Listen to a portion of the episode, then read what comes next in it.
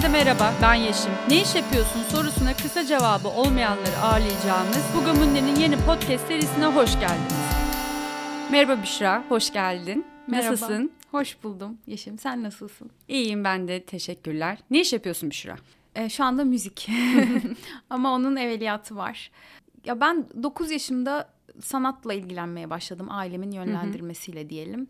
Üniversiteye kadar da bu ilgi alanlarım kurslarla, özel derslerle kesintisiz bir şekilde devam etti.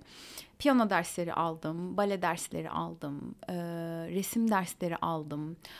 Bunlar okul dışı aktivitelerimde. Okul içerisinde de tiyatro, seramik vesaire gibi şeylerle ilgileniyordum sürekli.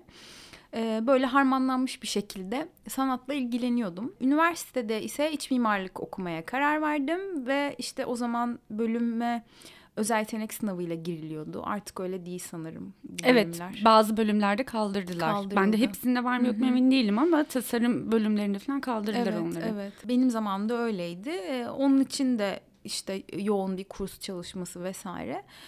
İç mimarlık okudum, mezun oldum ve bir süre iç mimarlık yaptım. Sonra 2018 yılında araya böyle bir annelik girdi. Bir süre her şeyden uzak kaldım. Uzak kalınca düşünmeye çok vaktim oldu. Daha ziyade ne istediğime dair düşüncelere çok yoğunlaştım. Ve tekrardan mekan tasarladığım o dünyanın içerisine dönmek istemedim açıkçası. Elim gitmedi diyelim. Ufak bir stüdyo açtım Kuzguncuk'ta. Orada resim ve müzik, özel dersler, işte bu gibi çalışmalar yaptım. Sonra başka bir fırsat çıktı. Bir üniversitede mimarlık öğrencilerine serbest el çizim dersi vermeye başladım. Sonra çevremin diyeyim e, hiç böyle bir plan kariyer planım yoktu. Çevremin e, telkinleriyle, desteğiyle kendi çalışmalarımı yayınlamaya başladım. Spotify ve bilimum işte dijital platformlar üzerinden. Derken derken derken hikaye böyle ilerledi. Ve şu an bir yandan müzikle uğraşıyorsun. Bir yandan aslında çocuk kitapları için Evet. tasarımlar da yapıyorsun. Evet, evet. Ve aynı zamanda anne de yapıyorsun. Evet. Hani anne Annelik mesaisi de var. Evet, annelik hani bir meslek olarak köşeli bir şey olarak söylemiyorum ama bir mesaisi de olan bir durum. Yani Evet, baktığında ki. üç işin var. Müzikteki alan da yoğun mesai isteyen bir alan. Tasarım konusunda da muhtemelen bir yaratıcılık süreci geçiyor. Buradaki mesaini nasıl ayarlıyorsun? Aslında e, günü çocuğun varlığı şekillendiriyor. Bütün günü ona göre ayarlıyorsun kesinlikle. O sistemi oturtmak biraz vaktimi aldı. Hatta bir dönemde bunu çok sorguladım. Genelde kadın figürleri inceledim aslında. Sonra onların da annelik görevi olan ve olmayan şeklinde incelemelere başladım. Neler yapmışlar, hangi adımları ilerlemişler. Yani bunu kabullenmek ve bu kabullenişle bir sistem oturtmak biraz zamanımı aldı. Ama sonra şunu fark ettim. Onun bana ilham verdiği çok nokta var. Yani kaynak olduğu çok fazla şey var ve bu durumla barıştım zaman içerisinde. Barıştıkça da annelik üzerinden bile üretimler çıkmaya başladı. Şu anda da bir sistem oturttuk. İlerliyoruz. Peki mesela gün 24 saat değil de 36 saat olsaydı. Çünkü bazı röportajlarında daha önceki aldığın e, sanatla alakalı eğitimlerden hepsine devam edemediğini çünkü Evet. bazı şeylere yoğunlaşman ve zaman darlığıyla ilgili durumdan bahsetmiştin Evet. ama oldu ki gün 36 saat olmuş olsaydı devam etmek isteyeceğin müzik dışındaki sanat dalı hangisi olurdu? Resime daha çok vakit ayırmak isterdim açıkçası. Ee, şu anda ağırlıklı müzik gidiyor. Ama bazen elim bir şey- elimin başka bir şey aradığını fark ediyorum. O arayışların başladığında diyorum ki tamam yani benim şimdi kapanıp biraz çizim yapmam gerekiyor. Biraz sulu boya çalışmam gerekiyor. Ee, biraz o, o dünyaya dalmam gerekiyor. Daha fazla vakit ayırsam çok daha ilham verecektir. Daha işlevsel olacaktır o yönüm diye düşünüyorum. Evet keşke gün 36 saat olsa. Ama eminim olsa o da yetmezdi. Yani insanoğlunun böyle klasik şeyi. tabii yani işte ömrünün uzun olması ya da günün Evet. uzun olması Evet. aslında o sadece bir takım bahaneler Aynen. yaratıyor Ya, kesinlikle. bizde. Senin bu tip başka yani yarattığın bahane var mı? Bahane olduğunu bilip ama seni sınırlayan şeyler neler oluyor? Ben genelde işlerini takip ettiğim insanlar hep Avrupa'da doğmuş büyümüş ve orada çalışan insanlar. Çünkü muadillerimi karşılığını genelde orada buluyorum. E, fakat hani tahmin edersin ki bambaşka imkanlar, bambaşka dünyalar. Hı hı. Böyle bir kıyaslamaya girdiğim zaman bazen bir duygusal bir çöküntü oluyor. Oradaki kayıt imkanları, oradaki malzeme, materyal hı hı. imkanları, pahalılık, ucuzluk meseleleri, daha profesyonel bir ekibe ulaşma ya da daha profesyonel demeyeyim ama kendi alanımla ilgili daha çok bilgi sahibi kişilere ulaşmaktaki kolaylıklar vesaire. Bunların motivasyonumu düşürdüğü çok oluyor. Ee, bazen onun arkasına saklanıp günlerce hiçbir şey yapmayabiliyorum. o günlerden çıkışı nasıl sağlıyorsun? Ben hep şey derim. Benim uzun süre depresyona girecek lüksüm yok. Çünkü bir çocuğum var. Orada da beni annelik kurtarıyor. Yani hemen toparlanmam gerekiyor. Çünkü e, sürekli taleplerle gelen orada e, senden e, sevinç kaynağı, yaşam bekle, yaşam belirtisi bekleyen biri var orada ve e, onun için hayatta kalmak zorundasın. o beni motive ediyor. ne güzel yani çocuğunla vakit geçirirken muhtemelen bol miktarda çizgi film vesaire evet. ve aynı zamanda tabii kitap çocuk kitapları tasarımı yaptığın için de o alana daha hakimsin. Mesela sevdiğin çizgi film ya da karakterler var mı? Ya e, günümüzden hiç yok. Günümüz hmm. çizgi filmlerinden hiç keyif almıyorum maalesef. E, hatta birlikte çoğunun şikayet ettiği bir evet. şey çok plastik bir dünya var orada. Ben mesela şeyde Haydi de çok ısrar ediyorum. E, oturup birlikte izleyelim diye. E, Haydi hiç çekici gelmiyor. Çünkü çok ilkel bir hayat var orada çocuğa göre. Tastan süt içen bir çocuk çıplak ayakla ona hiç cazip gelmiyor. O, o noktada biraz çatışıyoruz. Ben ona mesela eskiden izlediğim çizgi filmleri hep anlatıyorum. Şöyle severdim, böyle severdim. Hadi gel izleyelim. Beş dakika izliyoruz. Anne ben bundan sıkıldım diyor. O, ortada pek buluşamıyoruz o konuda ya. O çizgi film izlemeyi seviyor ama kendi istedikleri. Evet, kendi kendi istediği dünya. Zor Mesela şey var, emojiler diye bir film var. yani bir telefonu olmadığı için e, te, mesela bazen e, telefonu eline veriyorum arkadaşlarına sesli mesaj göndermek istiyor. Hemen o emoji, emoji dünyasına e, girmek istiyor. Dolayısıyla onunla alakalı bir film çok dikkatini çekiyor. Ay, e, yani daha şimdiden jenerasyon farkı oldu. Sanatla ilgili de böyle bir farkınız var mı ilgi alanları? Sanatsal aktivite daha çok yapıyoruz ama orada da sıkıntımız şey oluyor ben ne zaman senin gibi çizeceğim? Böyle bir hmm. sabırsızlık. Ben genel olarak bunu Z kuşağı mı deniyor. Orada çok seziyorum. Çünkü bir dönem ders de verdim e, atölyede. Hemen bir sonuç almak istiyorlar. Çünkü e, sosyal medya biraz şeyi gösterdi ya hani herkes işte beş dakikada meşhur olabilir. Yani bir kendine bir çıkış şeyi bul, hı hı. bir nokta bul ve beş dakikada yüz bin kişi izlesin seni. Böyle bir kurgu var kafalarında.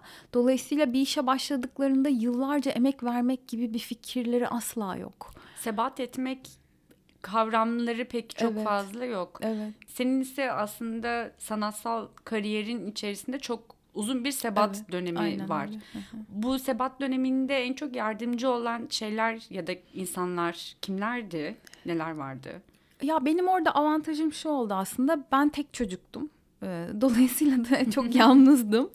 Ben hiç annemin bana işte bugünkü müzik ödevini yaptın mı, resim ödevini yaptın mı dediğini hiç hatırlamıyorum. Çünkü o şey gibiydi hani okuldan geldin çantanı fırlattın koridora, e, ellerini yıkadın, piyanonun başına geçerdim. Yani oyun arkadaşıydı benim için veya hmm. elime kağıt kalem alırdım.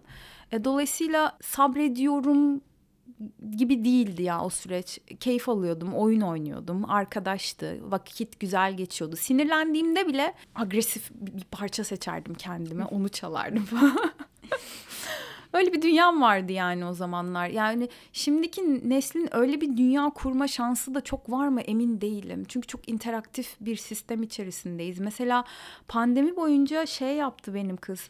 Arkadaşlarıyla görüntülü oyun oynadılar saatlerce. Görüntülü arama yaptılar. Herkes oyuncaklarını masaya koydu. Karşılıklı böyle YouTuber gibi oyun oynadılar. Ona adapte olması da hemen Güzel adapte mi, oldular. Kötü mü? Ben hani o yani çok da bildiğim bir alanda değil Hı-hı. tabii ama. Ya e, güzel tabii hemen adapte olmak ama ben şöyle düşünüyorum. Sanat işleri yalnızlığı deneyimlemeden işte dünya üzerine, hayat üzerine Hı-hı. düşünmeden, uzun düşünme seansları geçirmeden üretim ortaya çıkması zor gibi geliyor. Zaten o yüzden bu dönemin sonunda büyük bir sanatsal patlama olacak. Olacağı da Bence de. bekleniyor yani. Evet, evet. Tabii Türkiye'deki yansıması sektörle ilgili diğer sıkıntılarla birlikte nasıl olur bilmiyorum ama büyük bir sanatsal patlama olacağı ile ilgili düşünceler de var yani.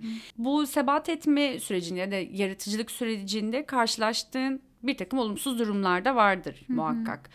Kendinden şüphe ettiğin ya da bırak bırakacağım dediğin dönemlerde nasıl bu süreçle başa çıkıyorsun?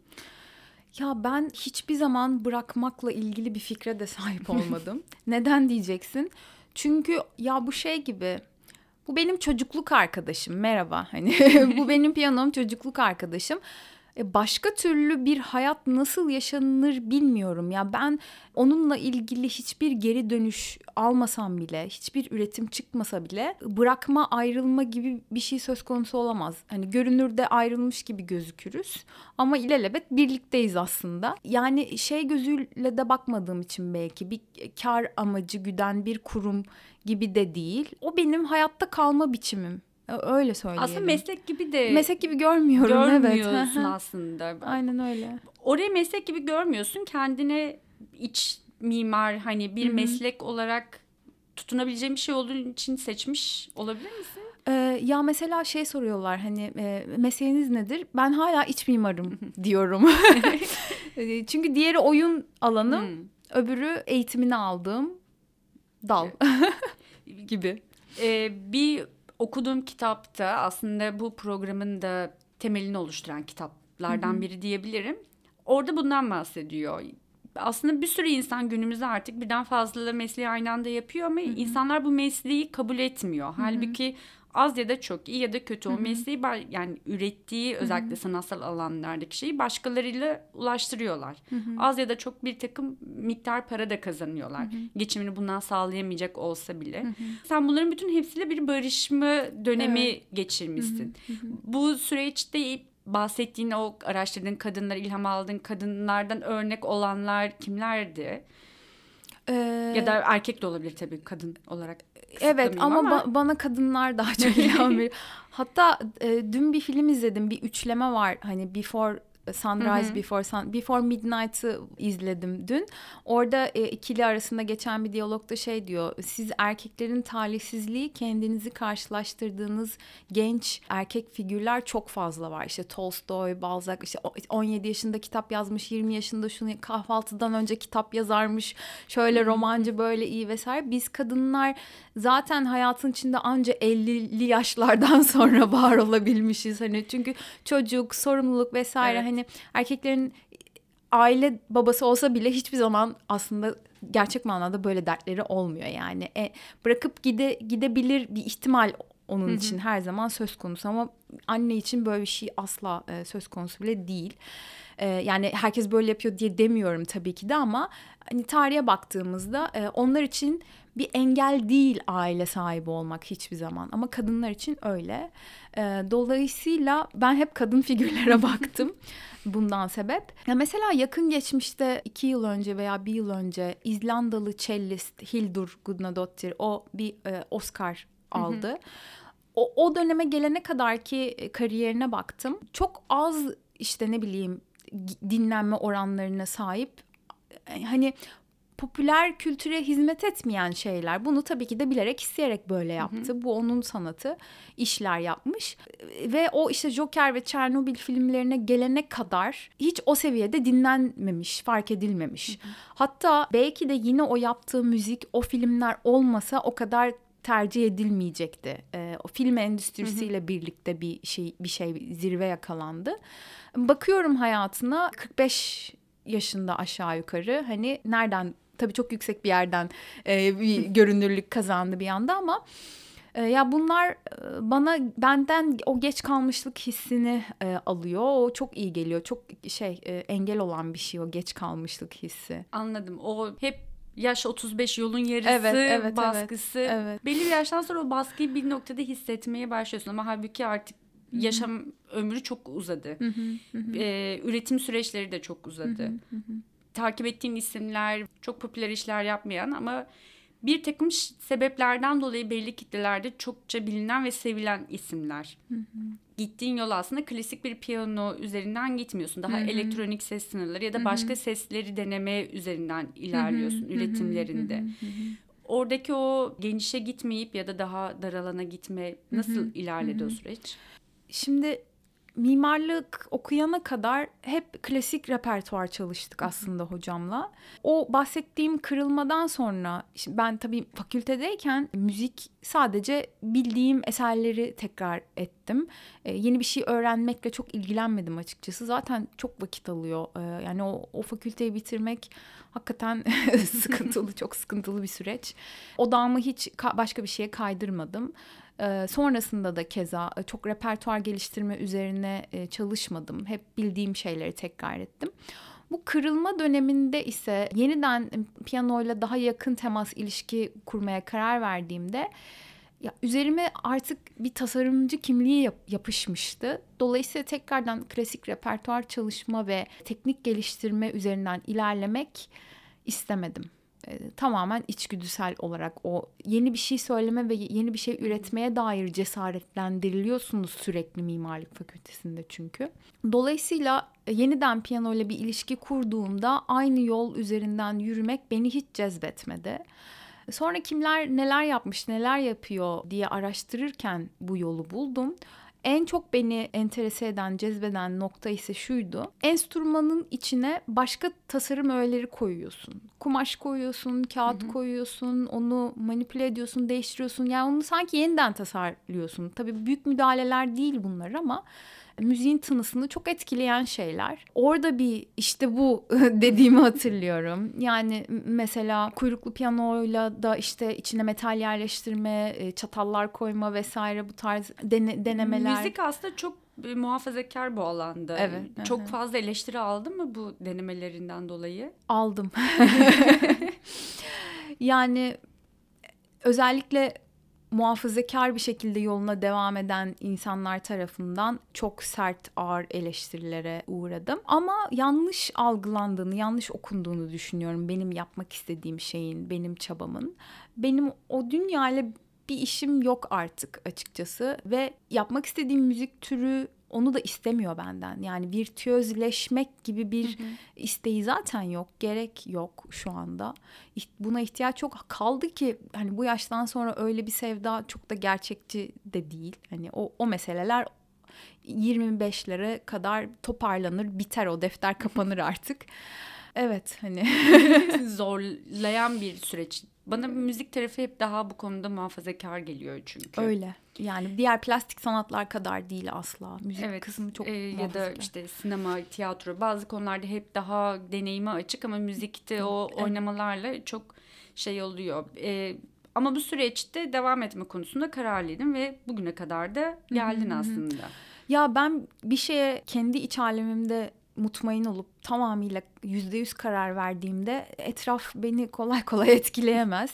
E, hatta ben uzun bir süredir e, bu yazılan çizilen şeylere karşı da kendimi kapattım.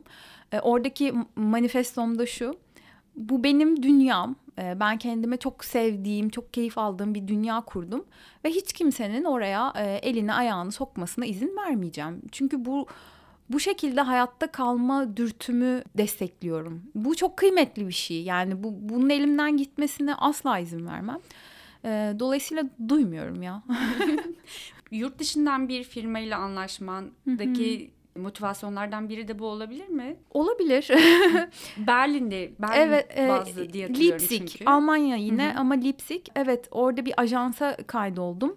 Yani hep ya şimdi burada alacağım tepkileri üç aşağı beş yukarı biliyorum. Ee, yani Türkiye çok karışık bir ülke. O yüzden gözüm hep dışarıdaydı açıkçası. Bunun sebebi de sakin kalmak. Daha anda kalan bir seyirci kitlesi var benim gözlemlediğim kadarıyla. Yani buradaki destekleyen ve takdir eden insanlara karşı da çok müteşekkirim. Hani hiç haklarını yemek istemem. Ee, çok güzel mesajlar da alıyorum bu arada. Hani negatif birse pozitif beş öyle söyleyeyim. Hı hı. E, dolayısıyla gözüm oralardaydı hep. Bir adım hani o bir tane adımlardan bir tanesi. Onu attık. Umarım devamı gelir. Çünkü orada yani Berlin ya da Almanya biraz daha bu konuda daha geniş alan tanıyormuş hissiyatı Kesinlikle. yaratıyor. Elektronik müziğin de orada kökleşmesinin evet. de etkisi vardır muhakkak. Peki hem mimari tarafında olduğu hem bundan ilham aldığın diğer tarafta olduğu şeylerini düşünürsek böyle hayalinde olan bir mekan var mı? Keşke orada bir şey çalsam dediğin. Berlin, Funkhaus Berlin var mesela. var çok yer var. Hani e, endüstriyel mekanlar, modern sanat müzeleri, kaleler.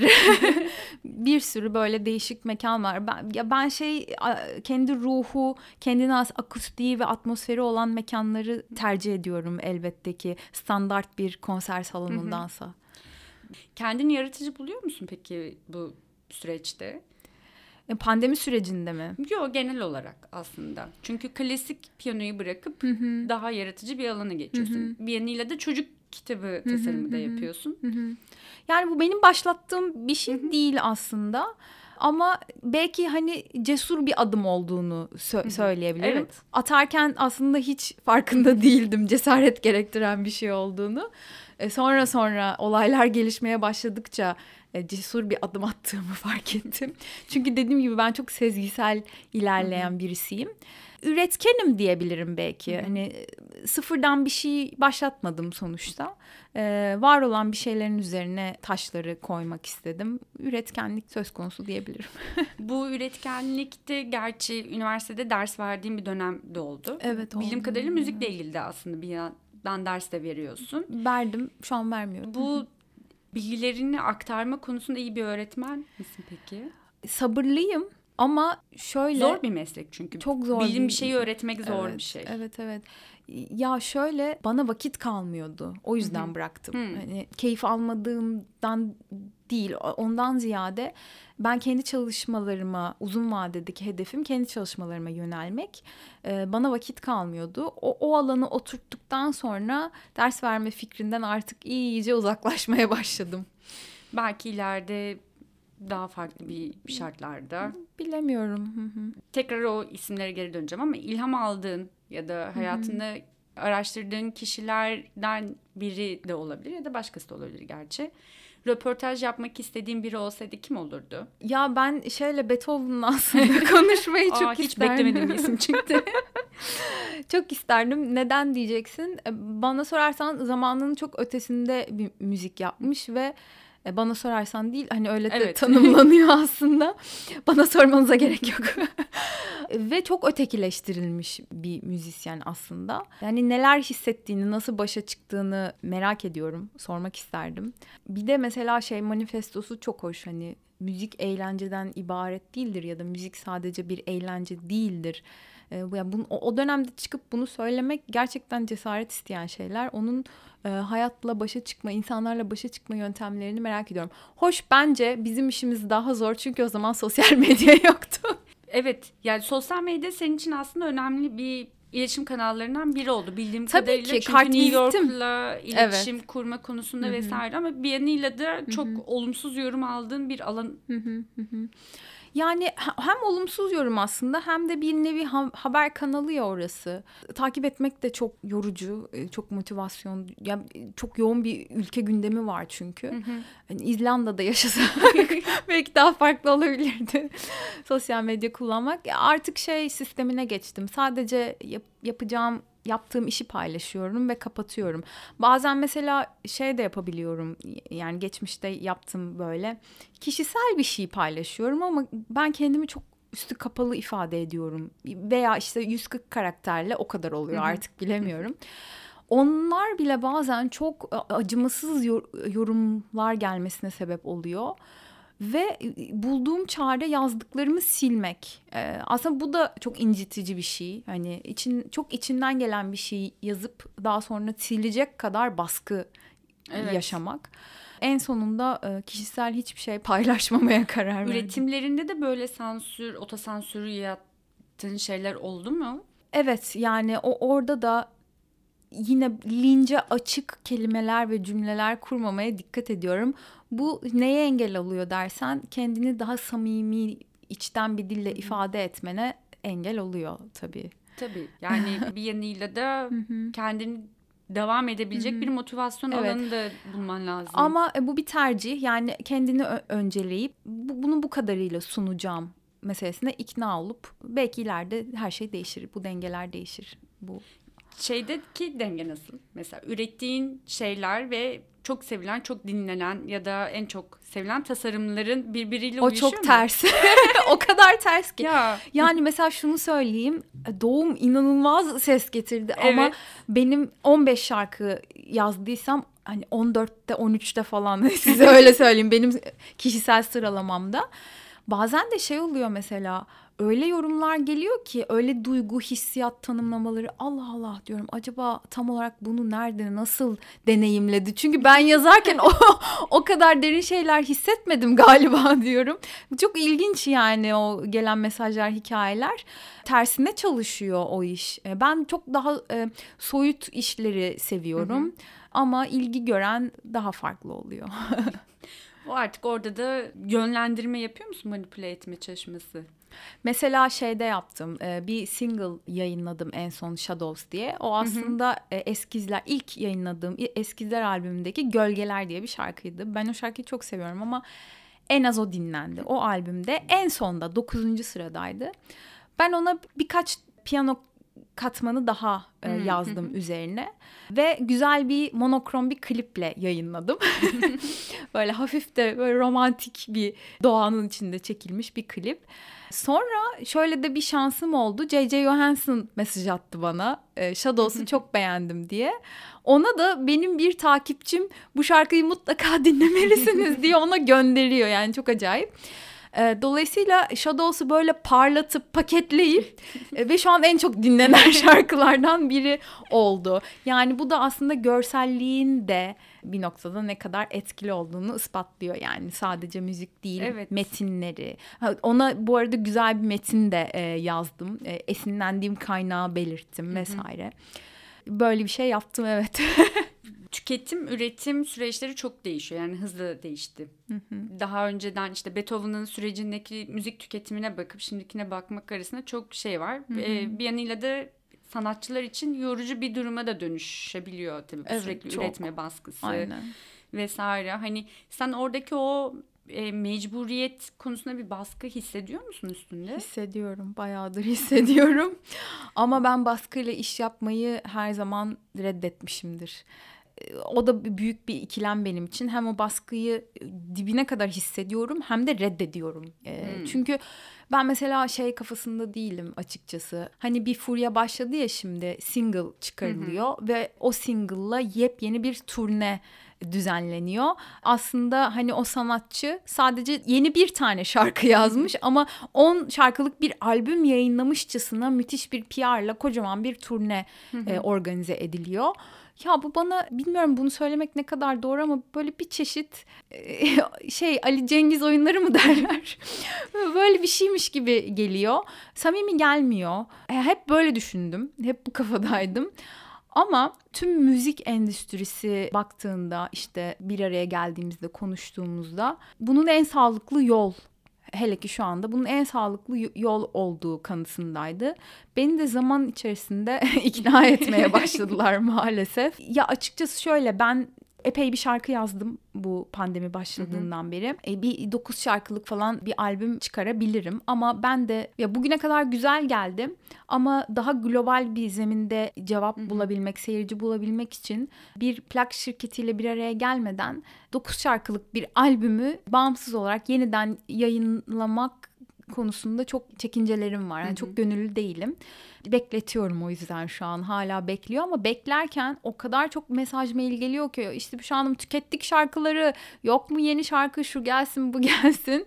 Sanırım yakın zamanda bir single gelecek gibi duruyor. Dün Teoman'ın Mirgün Bas'la röportajını dinlerken orada Teoman da aynı şey diyordu. Albüm diye bir şey kalmadı artık evet. son albümümü çıkartacağım ve bir daha şey yapmayacağım. Çünkü evet. dijitalleşen bu dünyada evet. Hızlı tüketim ve sürekli bir üretim bekliyorlar Aynen. senden. Aynen. Bu üretim baskısını hissetmek çok zor yani bir e, masterpiece oluyor. diye bir şey de kalmadı. Yani bu kadar çok üretirken her şeyin e, az çok birbirine benzemesi olası şeyler değil artık. Hani çok farklı bir şey ortaya çıkarma veya ne bileyim. Hı hı. İyice benzersiz olmaya. Aynen. yani bu şeyi. ihtimaller iyice azaldı. Burada bir şeyi yayınlarken hani gerçi baktığımızda geçmişte yayınladığın şarkı sayısı çok da fazla da değil. Bunları hesap ederek ilerlediğin bir süreç oluyor muydu yoksa kendini hazır hissettiğinde mi yayınlamaya başlıyordun? Ha ben daha ziyade e, birilerinin beni telkin vererek e, çünkü şey var biraz mükemmellik takıntısı var. Bu şarkı oldu mu olmadı mı bitti mi bitmedi mi? E, bana kalırsa aylar sürecek bir şeyin sunulmak için hazır hale gelmesi. Son zamanlarda biraz arkadaşlarımın da telkinleriyle o bakış açımı değiştirmeye başladım. E, bitmiş diye bir iş aslında ya benim çalıştığım alanda aslında yok. Yani hı hı. çünkü yüzde elli doğaçlama, yüzde elli tasarı aslında bu bu iş ve hani bir sene önce yazdığım şarkıları bile online'larda veya konserlerde çalarken şekilden şekile sokuyorum. Bir sürü şeyi değiştiriyorum. Biraz o kısımda ikna olmam gerekti. O, oldum da yavaş yavaş. Şimdi o takıntılarımı bıraktığım için herhalde daha hızlı ilerler diye düşünüyorum bir şey yayınlama meselesi. Ya da bir şirketle anlaştığınız zaman o albüm albüm için evet. onu düşünüyorum. Hı hı. Full işte 9-10 şarkılık bir albüm için ama tekli yayınlamak için ikna oldum diyebilirim. ne zaman dinleyebiliriz peki? Ya yine en bir ayı bulur en az. Ama bir ay sonra bir şeyler koymuş olurum. Tamam. Muhtemelen. O zaman heyecanla bekliyoruz. Ben de. Çok teşekkür ederim Büşra. Ben teşekkür Eklemek ederim. istediğin başka bir şey olur mu bu süreçle ilgili? Yani konuşacak çok şey var ama e, bence güzel oldu böyle sohbetimiz. ben bence de bayağı güzel oldu. Tekrar da o zaman teşekkürler. Görüşmek üzere. Ben teşekkür ederim. Görüşürüz. Hoşçakalın.